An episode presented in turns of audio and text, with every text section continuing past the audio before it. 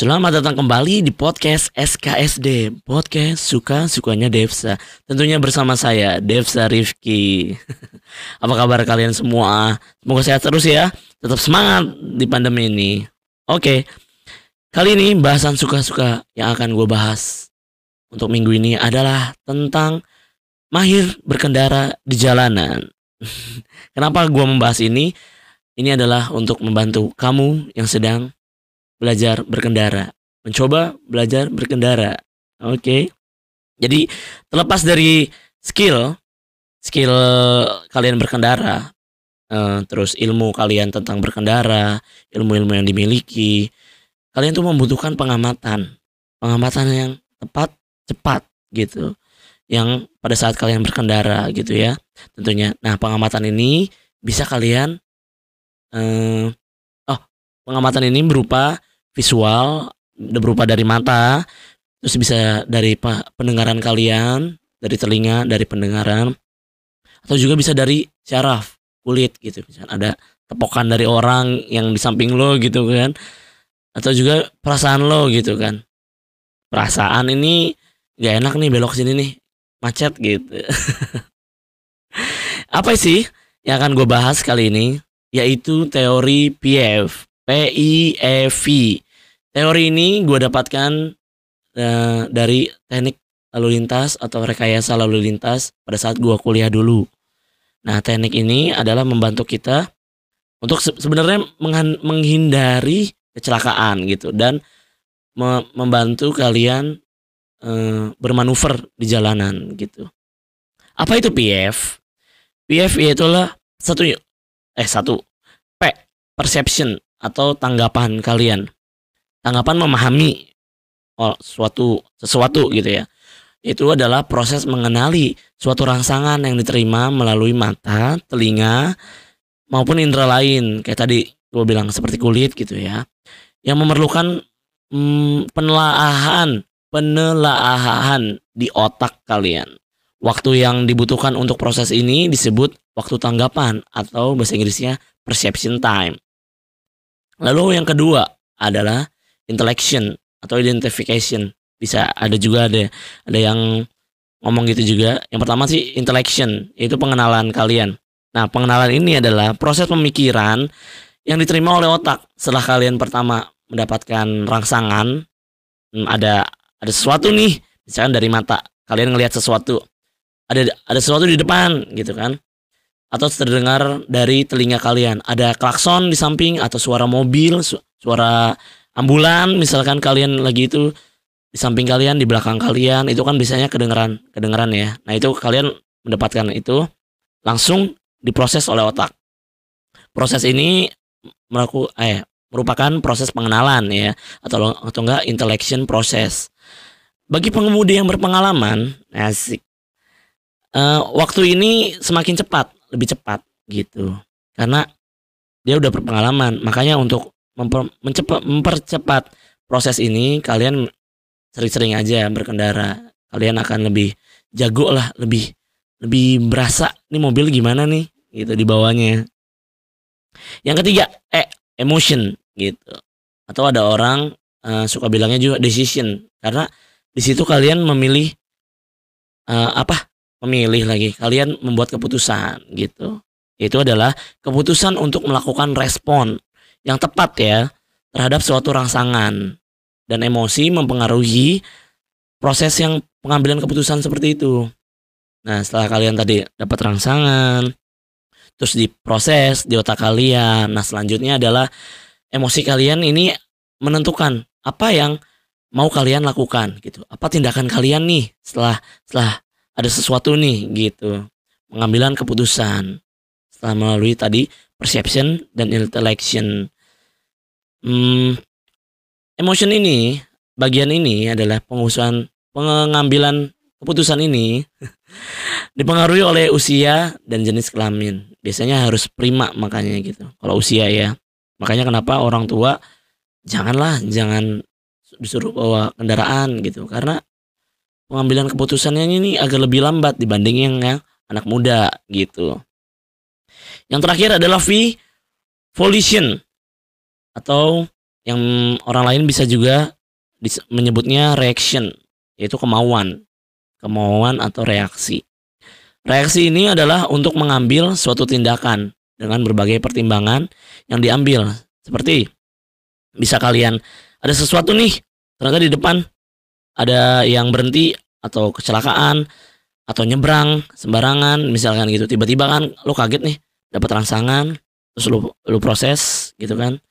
Terus lu memilih keputusannya di emosi itu gua harus ngerem gitu. Nah volition ini adalah kemauan lu untuk ngerem langsung. Di situ kalian harus ngerem gitu atau reaksi lu. Reaksi lu terhadap sesuatu yang di depan oleh mata gitu. Misalkan tadi atau kalau dari contohnya dari pendengaran kalian mendengar sesuatu gitu kan ada langsung pengambilan keputusan misalkan ada mau ada ambulan dari belakang kan ngebut tuh langsung suaranya dari yang nggak kedengeran langsung perlahan perlahan perlahan kalian denger kan sirenenya langsung pengambilan keputusan kalian ngelihat spion gitu kan atau enggak kaca belakang kalian langsung setir banting eh setir banting banting setir maksudnya ke kiri atau ke kanan gitu untuk membantu ambulan lewat gitu itu juga bisa membantu kalian jadinya untuk menghindari kecelakaan bermanuver lebih baik gitu. Pokoknya mahir di, dalam berkendara di jalanan gitu. Enak lah jadinya. Jadi kalian kalau udah udah tahu ilmunya, seenggaknya nanti bisa dipraktekin ya kan. Nah.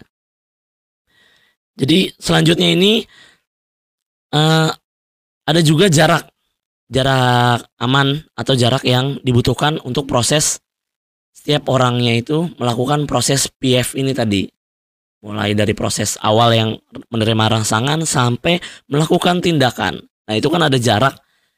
Jaraknya itu bisa dihitung. Jaraknya itu bisa dihitung. Jaraknya yaitu DP kalau di rumus ya. DP sama dengan 0,278 dikali V dikali T. V di, di mana V adalah kecepatan kalian berkendara atau kecepatan kendaraan kalian gitu. Misalkan kilometer per jam. Dan T adalah waktu PF kalian. Nah gitu. Jadi misalkan kalian kecepatannya berapa terus kalian memiliki perhitungan PF waktu PF-nya berapa gitu. Jadi kalian tahu nih standar kalian untuk melakukan jarak aman di depan kalian atau di belakang kalian itu seberapa sih gitu nah kalau di aturan ya aturan yang di Indonesia ini waktu PF-nya itu dari 0,3 detik sampai 2 detik. Kalau dari ASTO, AASHTO, waktu PF yaitu dua setengah detik gitu. Yang normal, yang ideal, yang harus bisa sampai aman berkendara itu segitu. Gitu. 0,3 detik itu cepet banget. Kalian tuh tanggap banget gitu. Misalkan ada sesuatu di depan, harus ngerem nih atau harus belok nih harus harus lihat belakang nih aman nggak buat ngerem mendadak gitu atau kalau mau ke kiri aman nggak di kiri kalau mau kanan aman nggak di kanan gitu kayak gitu reaksinya cepet banget 0,3 detik kalau 2 detik ya berarti kalian kan kemampuannya semakin tinggi waktu kalian mencerna dari rangsangan itu mengambil keputusan dan melakukan keputusan tersebut melakukan tindakan kalian harus berarti lebih tinggi tuh angkanya angka untuk jarak yang dibutuhkan untuk proses PF gitu.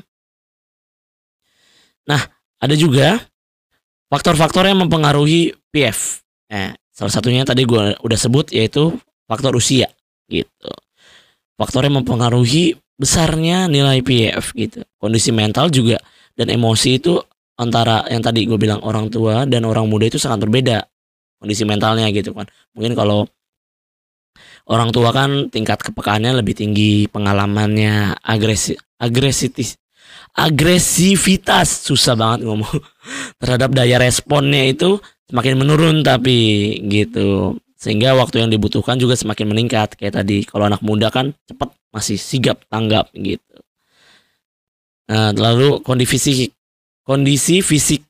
Kondisi fisik juga kondisi uh, kendaraan kalian ya selain kan kendaraan diri kalian gitu. Jadi kalau kalian sehat pasti kan lebih cepat pengambilan keputusannya, segala macamnya lebih cepat dibanding kalian lagi sakit lagi pusing lagi banyak pikiran gitu. Aduh cicilan nih cicilan nih lagi naik mobil habis pulang kerja aduh belum bayar utang aduh aduh aduh gitu kan. Pusing pusing pusing. Akhirnya meleng kayak gitu. Itu yang bisa mempengaruhi nilai PF ada juga kondisi lingkungan gitu. Misalkan kondisi lingkungan kalian melewati jalan yang besar nyaman dengan kondisi lingkungan yang kalian melewati jalan-jalan kecil itu beda tuh uh, rasanya tuh rasanya itu. Atau jalan tol dan jalan biasa jalan lingkungan itu kan. Ada juga misalkan jalan yang sesek padat penduduk dengan jalanan yang penuh dengan tanaman gitu kan. Lebih enak lebih enak yang tanaman kan. Kalian jadi nyetirnya atau membawa kendaraannya lebih nyaman lebih bisa mikir plong lebih mikir jernih gitu. Faktor pendidikan selanjutnya. Ini pendidikan ini ya kerja, kecerdasan lah secara umum. Ilmu-ilmu yang kalian dapatkan gitu. Yang membantu untuk kepekaan kalian, rangsangan kalian, keputusan keputusan kal keputusan kalian dalam mengambil tindakan. Susah banget sih gua belibet ngomongnya. sorry, sorry. Nah gitu. Jadi dan juga uh, ketajaman mata ya gitu beda nih yang kayak gua pakai kacamata dengan orang yang misalkan normal matanya beda kan ketajamannya gitu. Atau dengan orang tua yang pandangannya plus gitu matanya. Beda gitu. Itu dia beda dari dari ketajaman penglihatannya gitu. Makanya harus penting harus pakai kacamata kalau kalian matanya bermasalah gitu. Oke kayaknya itu aja. Udah cukup udah cukup ringkas sih ini. Yang penting Oh iya, satu lagi. Untuk menambah itu yang tadi kalian harus sering latihan. Sering menambah jam, jam terbang, jam terbang. Emang lagi mau ngapain gitu. Lebih sering lah berkendara, mau motor, mau mobil gitu. Lebih jadi lebih berasa nih kalau gue bawa mobil kayak gini nih. Beloknya, remnya nih kalau ada rem mendadak, gue bisa ngerem nih seberapa detik biar sampai berhenti gitu. Gue bisa seberapa detik uh, ngebut ngebalap mobil yang depan. Gitu.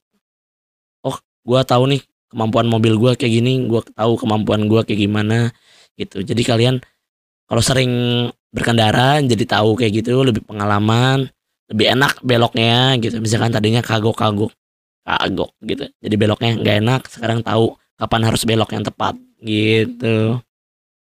Oke itu aja. Itu aja kayaknya ya. Udah cukup lah ya Sekian dari gua. Semoga podcast ini membantu kalian semua yang sedang mempelajari kendaraan, belajar setir mobil, setir motor. Semoga kalian menjadi mahir. Yang udah mahir juga menjadi lebih mahir. Yang nggak tahu bisa jadi tahu. Oke semuanya, gue Devsa, gue pamit ya. Bye.